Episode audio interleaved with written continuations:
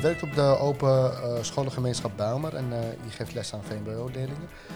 Wat vind je zo leuk aan deze leerlingpopulatie?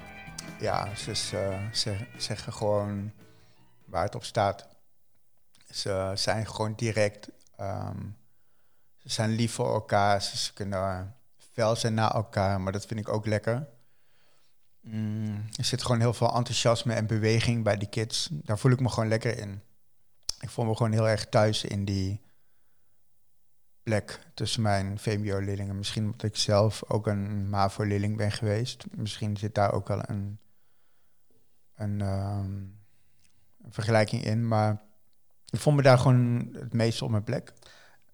Wat herken je van jezelf, zeg maar, in die leerlingen? Um, dat naar school gaan ook gewoon leuk moet zijn. Dat vond ik gewoon heel erg belangrijk. Ja, natuurlijk. Uh, ik wilde wel iets bijleren, natuurlijk. Ik wilde ook slimmer worden, zoals ik daar vroeger over dacht.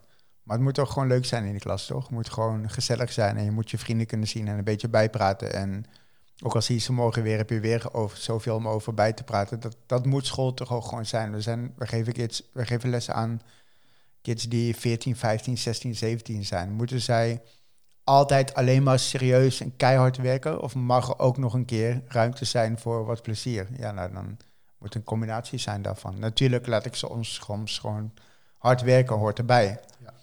Ja. Um, maar naar school gaan moet gewoon een feestje zijn voor de kids. Hoe zorg je daarvoor in je klas? Um, ja, om ze denk ik gewoon toch um, af en toe de ruimte te geven die zij daarin blijkbaar nodig hebben. Kijk, als er een leerling is die liever staand zijn opdrachten maakt, wie ben ik dan om te zeggen ga zitten? Ja. Weet je? Of als er iemand zomaar even naar zijn jas wil lopen, waarom moet ik dan meteen iets zeggen daarvan? Weet je, kijk, als die leerling die vrijheid voelt om dat te doen, waarom niet? Kijk, ik wil niet dat mijn leerling zomaar de les uitloopt, natuurlijk. Dat gebeurt niet. Um, en maar toch vind ik het heel erg belangrijk om toch die ruimte te scheppen of zo, te creëren waarin de leerling gewoon kan doen waar hij of zij op dat moment zin in heeft binnen, binnen het kader wat, wat dan voor mij belangrijk is. Ja. ja. Dus de verwachtingen die jij van hen hebt, die zijn heel duidelijk voor hen. Ja, ja. precies. Ik wil ook gewoon even mijn klas uit kunnen lopen. En meestal gaat het goed. En als dan een, klas opeens drukker wordt, op het moment dat ik even weg ben, dan corrigeer ik ze meteen daarop. Ja. Maar dan ga ik ook zeggen van, jullie zijn two-faced, want als ik, er, als ik er ben, gebeurt het ook niet. Doe het dan in mijn gezicht. En dan stappen zij wel waar ik het over heb. Mhm. Dus dan benoem ik het weer. Ja. Het mooiste is dan als jij leerlingen zo ver krijgt dat zij elkaar gaan coachen daarin. Dan, dan wordt lesgeven echt heel erg leuk. Omdat ze, de leerlingen dan voelen dat zij ook daarin een rol hebben zelf. En dan, dan ontstaan daar in zo'n groep positieve leiders. En dan, dan wordt het lesgeven echt heel erg leuk. Dan wordt zo'n klas ook heel bijzonder van als een klas dat heeft. Ja. mooi begrip, positieve leiders. Zeker, er zijn altijd uh, leerlingen die een leidersrol op zich willen nemen. Um, zij het in negatievere zin of in positieve zin, maar ook die leerlingen die die negatieve rol op zich kunnen nemen, die kunnen die rol ook positiever maken. Dat zijn gewoon geboren leiders en dat heeft een groep ook nodig. Um, als je die leerlingen zover krijgt om daarin wat positiever te worden, dan, dan wordt het lesgeven gewoon echt heel erg leuk. En benoem je dat dan als je bijvoorbeeld die, uh, die geboren leiders als het ware uh, in gedachten benoem je dat dan individueel tegen ze of zo? Ja, ja, maar dan wel buiten de les of, of ja. buiten lokaal of voor de les of in de pauze of na half vier of, of na de les even snel. Dan, ja dan benoem ik dat. Van zeg ik van hé, hey, je doet het zo goed, maar probeer het dus zo en zo te doen. En dan, dat is ook coachen, denk ik. En als dan in de les een situatie voorspeelt waarin zo'n leerling dan opeens zo'n positieve rol aanneemt, dan benoem je dat gelijk. Ja, dat bedoelde ik gisteren, weet je wel. Van doe dat meer. Mm. En dan zie je leerlingen ook echt uh, opbloeien eigenlijk. Dan denk je zo, oh ja, zo moet ik dat doen. Ja. Ik had laatst bijvoorbeeld een, een voetbaltoernooi met mijn met alle derde klassen van VMBO. En um, toen was er een leerling uit mijn mentorklas die had voor zijn team kiksen meegenomen en shirtjes. En dan denk ik oh. van, wauw, daar heb ik helemaal geen rol in gehad. Maar hij heeft gewoon gedacht van, ik vind het belangrijk dat mijn team allemaal hetzelfde kleur shirtje heeft. En Ja. allemaal in ieder geval voet- voetbalschoenen heeft. En dan denk ik van ja, man, dat is gewoon. Als je dat al door hebt als je 14 bent, dan, dan ben jij dus die positieve leider die ik in mijn klas nodig heb. ja. Mooi. Dat is gewoon geweldig. Ja. Ehm, ik hoorde jou eh, toen net zeggen dat je het heel belangrijk vindt dat je respect bijbrengt bij de leerlingen, maar ze voelen zelf waarschijnlijk zelf ook al aan van hé, hey, dat is belangrijk. Ehm, maar ik hoor daarin dus dat dat al iets is wat je ze wil meegeven. Wat voor andere dingen zou je ze nog meer mee willen geven tijdens jouw lessen? Ehm, dat zij ehm, hun mening mogen uiten, dat zij mogen vertellen waar zij ehm, een afwijkende mening in hebben dan andere kids. Ehm, dat zij, ja, eigenlijk gewoon zoveel, dat is een hele grote vraag, is ook een hele goede vraag, maar ik wil ze zoveel mogelijk meegeven als ik kan. Maar ja, ik moet er natuurlijk ook mijn keuzes in maken, maar soms kies ik er gewoon voor om mijn les Engels niet door te laten gaan, maar dan wil ik gewoon een kringgesprek van een uur. Mm. En dan wil ik gewoon weten hoe, het- hoe het met de kids gaat, bijvoorbeeld. En dan zijn er opeens zoveel eh, gesprekken die dan in één keer loskomen. Of ik heb een invalles en dan kan ik wel natuurlijk wiskunde gaan geven, maar ik kan geen uitleg wiskunde geven. Dus heeft die les op dat moment zin? Ik denk het niet. Maar ik kan ook eh, met, met ze naar het Belmen Monument lopen en daar vertellen wat daar in 1991, 92 afgespeeld heeft. En of ik kan een kringgesprek houden over, over wat dan ook. En dan ontstaan er zulke mooie gesprekken eigenlijk. En dan heeft zo'n les voor mij en hopelijk voor de leerlingen veel meer zin dan een invalles wiskunde. Dus het heeft heel erg te maken met ehm, jouw houding naar de leerlingen, toe. En dat je jezelf de vraag stelt van... hé, hey, wat wil ik eigenlijk bereiken vandaag met die kids? Je, kan, je hebt je natuurlijk te houden aan het curriculum. Maar er zijn altijd lessen waarin jij even mag afwijken... van datgene wat je eigenlijk moet doen. Want er komt ook weer een tijd daarna. Er komt altijd weer een volgende les aan. En dat kun je echt niet vier keer in een maand doen. Maar dat is echt niet erg als je dat één keer per periode doet. Soms heb ik gewoon geen zin om les te geven. Ja, dan heb ik liever een kringgesprek, toch? Ja.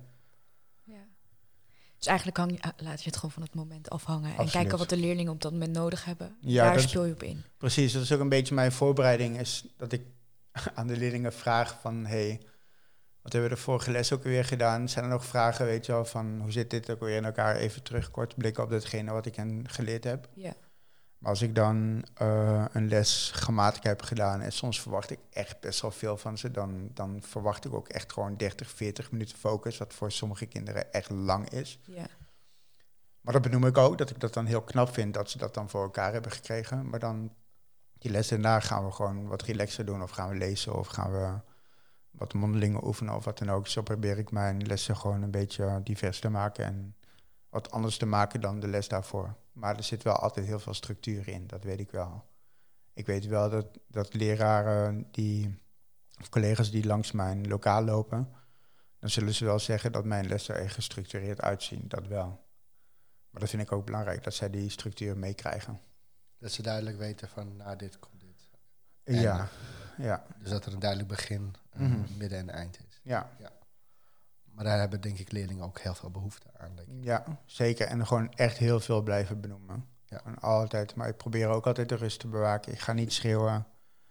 Eh, ik ben geduldig. Eh, kijk, ik ga niet een kwartier wachten totdat het stil is. Dat is echt niet nodig. Eh, maar ik ga ook niet schreeuwen als de boeman die voor de klas staat. Want ik wil helemaal die, die, die boeman zijn. En al helemaal niet die docent zijn waarvoor leerlingen bang zijn. Want dat, dat bestaat nog steeds, dat de leerlingen gewoon tegen een les opkijken... omdat zij die docent zo verschrikkelijk streng vinden of zo. Ja. Zo onnodig streng. Dan denk ik van, ja, dat is ook weer niet nodig. Ja. Maar structuur, ja, dat is echt belangrijk. Tuurlijk. En als we dus naar die leerlingen zouden, eh, zouden vragen, en we zouden ze vragen, eh, hoe zouden jullie meester Bart omschrijven? Wat denk je dat ze zouden zeggen? Ehm, Wauw. Dat is een mooie vraag. Moeilijke vraag, want dan... Dan denk ik dat ze zouden zeggen dat ik een lieve docent ben die met de tijd meegaat, die eh, nog mee kan met de generatie die hij lesgeeft, eh, die geïnteresseerd is in hun leefwereld, in hun situaties thuis, die daarin die respect heeft voor zijn leerlingen en die voor zijn leerlingen klaar staat. Ik denk dat ze mij zo zouden omschrijven. Maar dat zijn eigenlijk allemaal heel erg uh, interpersoonlijke en pedagogische competenties. Ik, denk, ik hoop ook al dat ze zouden zeggen dat ze goede uitleg van me zouden krijgen. Dat wel. Dat vind ik natuurlijk ook belangrijk, maar ik vind dat pedagogische aspect gewoon het allerbelangrijkste. Omdat ik van mening ben dat jij het allemaal heel goed in je hoofd kan uh, hebben, theoretisch enorm onderbouwd bent en goed aangelegd bent en 20, 30 studieboeken in je hoofd hebt zitten, maar als je dat niet weet over te brengen aan je kinderen, dan heeft dat gewoon helemaal geen zin. Nee. Ja, ik denk ook dus dat als, uh, als we dezelfde vraag tien jaar later zouden stellen, ze meer een gevoel bij je zouden hebben dan, oh ja, zo legde hij uh, de present continuous uit bijvoorbeeld. Ja, precies. Kijk, natuurlijk zijn die, is dat relevant. Ik, ik weet nog wel eens dat ik... Ik krijg af en toe nog wel eens leerlingen um, van de ROC op bezoek of zo. En dan zeggen ze van, meestal krijgen nog steeds present simple of past simple. Dat hebben we bij u in de tweede gehad. En dan denk ik van, ja, waarom krijgen ze krijgen ze dat nu nog steeds op de ROC? Dat is gewoon zo zonde, dat hoeft helemaal niet. Um, maar ik denk dat het heel, heel erg waar is wat je zegt, dat ze dan na tien jaar of na twintig jaar nog dat gevoel weten, maar ze weten echt niet meer hoe jij op dat moment aan het lesgeven was, dan, dan herinneren ze zich gewoon jouw rol als mens, denk ik, hoe jij was. En je had het net over ehm, het luisteren naar uh, de leerling, het uh, geïnteresseerd zijn in de leerling en het uh, meegaan in de tijd.